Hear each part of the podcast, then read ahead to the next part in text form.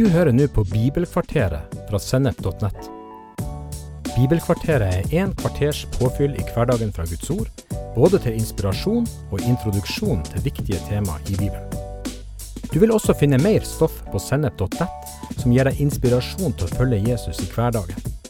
Følg oss på Facebook og Instagram, og abonner på våre podkaster i Spotify, iTunes, Google Podkast, YouTube eller i den podkastappen som du bruker.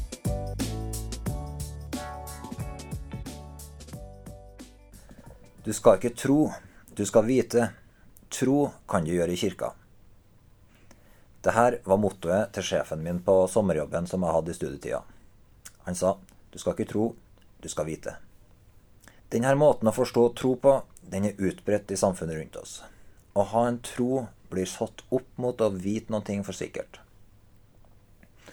Men tro i bibelsk forstand, det handler ikke om at du er usikker på noen ting. Tvert imot så er Bibelen sin definisjon av tro sånn her. Tro er full visshet om det som håpes, overbevisning om ting som ikke ses. Hebreerne 11,1. Tro handler altså om å være sikker på håpet og overbevist om det vi ikke ser. Tro det er en gave fra Gud som gjør at det i hjertet til de kristne er en overbevisning om det de håper på. Når Gud gir tro, så vet du at du er et Guds barn. Du vet at du er tilgitt. Du vet at du hører hjemme hos Gud og har en framtid med Han. Så troa gir oss en overbevisning i hjertet. Det er noen ting du bare vet at du vet at du vet. I flere engelske oversettelser så brukes ordet 'substance' om denne sikkerheten om håpet. Faith is the substance of things hoped for, sier den engelske King James-oversettelsen. Så troa er ikke bare en overbevisning i hjertet, men troa gir oss altså del i realiteten eller substansen i det kristne håpet. Vi kan si at troa tar tak i håpet og lar oss begynne å erfare her og nå at håpet er sant. Vi har f.eks. et håp om at Gud en dag skal gjøre slutt på all sykdom og lidelse. Troa gjør at vi ber til Gud og erfarer at Gud helbreder syke i dag. Vi har et håp om at Guds kjærlighet en dag skal prege alle ekteskap, familier, byer og nasjoner. Troa gjør at vi går til Gud, slik at Han kan prege livene våre med sin kjærlighet i dag. Troa gjør håpet om til erfaring. Troa gjør det usynlige synlig. Når vi har tro, begynner vi å leve ut fra en ny overbevisning, og når vi lever sånn, erfarer vi at det vi tror på, fungerer. I fortsettelsen av kapittel 11 er fortellingene om de ulike trosheltene i Bibelen, og hvordan troa gjorde at de erfarte at livet med Gud førte til et nytt liv i lydighet mot Gud, hvor Guds kraft virka i hverdagen deres, og de både erfarte velsignelsen og lidelsen som hører med til det kristne livet.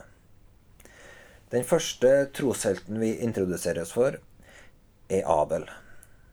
La oss se på hva han lærer oss om sann tro. og vi leser fra vers 4 i Hebreerbrevet 11. I tro bar Abel framfor Gud et bedre offer enn Kain. Fordi Abel trodde, fikk han vitnesbyrd om at han var rettferdig. Det vitna Gud om da han ofra, og med sin tro taler han ennå etter sin død. Kain og Abel var de to første sønnene til Adam og Eva. I første Mosebok, kapittel fire, leser vi om de to brødrene.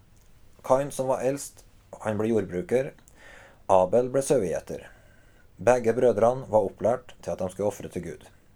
I bibelteksten i første Mosebok så står det da det var gått en tid, hendte det at Kain bar fram for Herren et offer av åkerens grøde. Også Abel bar fram et offer, av de førstefødte dyrene fra småfeet og av fettet på dem. Herren så med velvilje på Abel og offeret hans, men på Kain og hans offer så han ikke med velvilje. Da ble Kain brennende harm og så ned. Så vi leser at Kain ga Gud en gave fra det han hadde dyrka, og Abel han ga Gud de førstefødte lammene i saueflokken. Begge brødrene ga altså Gud en gave, men Bibelen forteller oss at når Abel ofra, så anerkjente Gud troa hans, mens Kain sitt offer, det ble ikke likt av Gud. Når vi leser historien om offeret, er det lett å tenke at det er Gud som er kjip her. Kain hadde jo tross alt gitt, eh, også gitt Gud en gave. Og hvorfor gjør Gud forskjell på de to brødrene? Hvorfor bryr han seg ikke om Kain sin gave? Hadde ikke begge to like gode intensjoner med gaven sin, kanskje? Eller eh, ja, hvorfor var egentlig offeret til Abel bedre enn Kain sitt? Kain gjorde det jo tilsynelatende i beste mening, og det er tydelig at Kain blir både såra og misunnelig når Gud ikke bryr seg om offeret hans, mens Abel sitt offer blir tatt imot med glede. Sympatien med Kain er en parallell til måten mange forholder seg til Gud på i Norge i dag. I samtaler med mennesker så hører jeg ofte ting som Hei, jeg er ikke noe bedre eller verre enn andre mennesker, så hvis Gud er rettferdig, vil han nok passe på at det går bra med meg til slutt. Andre ganger så hører jeg folk som sier 'jeg har min tro, og du har din tro'. Det er ikke sånn at én tro er bedre enn en annen.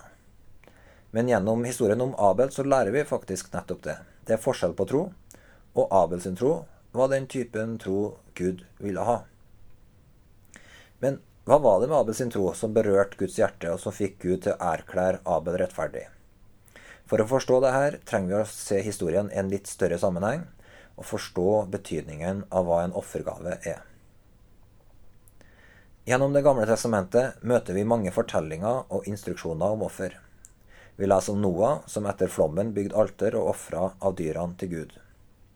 Abraham, Isak og Jakob var alle gudsfryktige menn som bygde alter og ofra til Herren.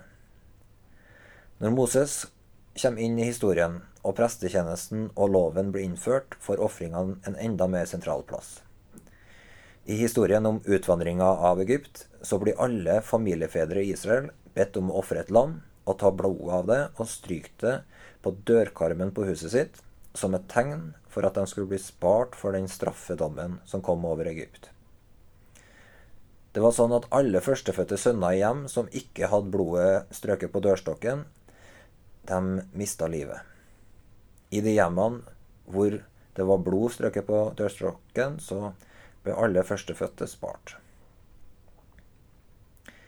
I alle instruksjonene om offer som er beskrevet i Moseloven, er det Gud som definerer hva slags offer han vil ha. Han forbød f.eks. For menneskeoffer, som jo var en vanlig skikk i kulturene i de omkringliggende nasjonene. Han forbød også å komme med offerdyr som var syke eller skada. Offeret skulle være av de beste dyrene. I noen av ofringene skulle prestene spise av offerkjøttet, men blodet og fettet skulle de ikke røre. Blodet og fettet, det var hellig for Herren. Spiste de av det, skulle de miste tjenesten sin og støtes ut av folket. I loven er det spesifikke offer knytta til ulike dager, høytider og renselsesritualer. Og de her ofringene handla ikke først og fremst om mennesker som ga det de ville til Gud. Det handla om å gi Gud det Gud hadde bedt om. Det handla om å innrette livet sitt etter Guds vilje, og om å sette Han først i alle ting. Å ofre på riktig måte var et uttrykk for sann gudsfrykt. Å ofre feil var et uttrykk for å forakte Gud. Når vi går tilbake til Abel, er det denne tanken om offeret som ligger til grunn. Kapitlet før historien om Kain og Abel handler om syndefallet, og der leser vi også om hvordan Gud sjøl slakter dyr og kler Adam og Eva med skinnene for å dekke over skammen deres.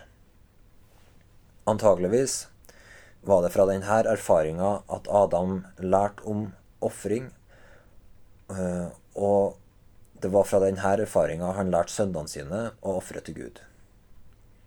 Gud ønska et offerlam, og fettet på dyret hørte Herren til. Abel gjorde et valg for livet. Han ønska å gi Gud det Gud ville ha, og hele livet hans var innretta for å leve til Guds ære og gi Gud det offeret Gud ville ha. Å være sauegjeter var et uttrykk for Abels gudsfrykt og tilbedelse. Abel han levde ikke for seg sjøl. Han var ikke en som bare gjorde så godt han kunne og håpa at Gud var fornøyd. Nei, han lot Guds vilje få førsteplassen i livet og levde i ærefrykt for Gud. Gjennom måten Abel innretta livet sitt for å tilbe Gud, gjenkjente Gud den troa han ser etter hos alle mennesker, og talt ut over Abel sitt liv at han var erklært rettferdig av Gud. Når jeg var 16 år, oppdaga jeg denne sannheten om at Gud hadde gjort Jesus til herre over alle ting. Jeg oppdaga at jeg hadde gått min egen vei og trengte å gi Jesus den førsteplassen han skulle ha i livet mitt. Det forandra på forholdet mitt eh, både til Gud og til Bibelen. Gudsfrykt og tilbedelse det endrer fokuset vårt. Vi oppdager at vi er skapt for Gud. Det er ikke Gud som er til for oss. Når vi leser Bibelen, begynner vi å se etter hva det er Gud ønsker.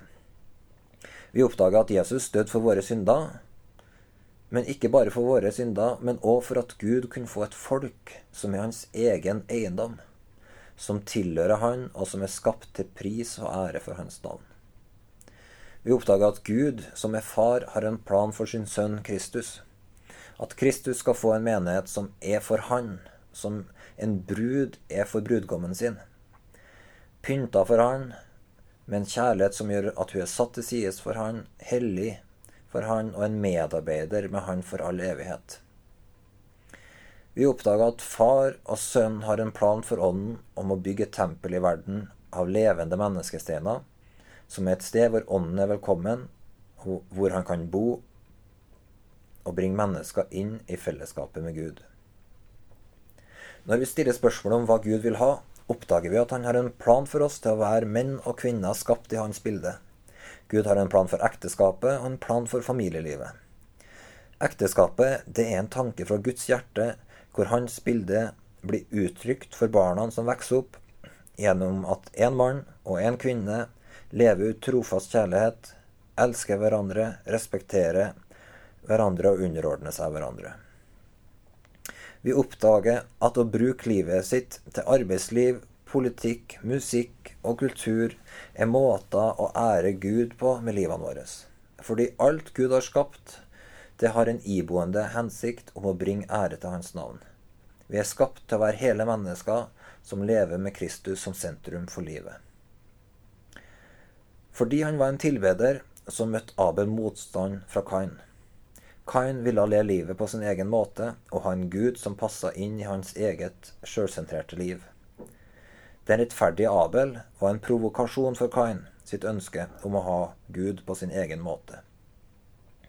Sann gudsfrykt har til alle tider provosert de som vil ha en religiøs kirke med en liten gud som passer i menneskers bilde. Men Abel han er en inspirasjon for alle som vil leve i tro på en sånn måte at sentrum i livet vårt er å gi Gud det han har bedt om, og ifølge Gud så taler Abel sitt blod enda fra jorda om hva gudsfrykt og sann tilbedelse er.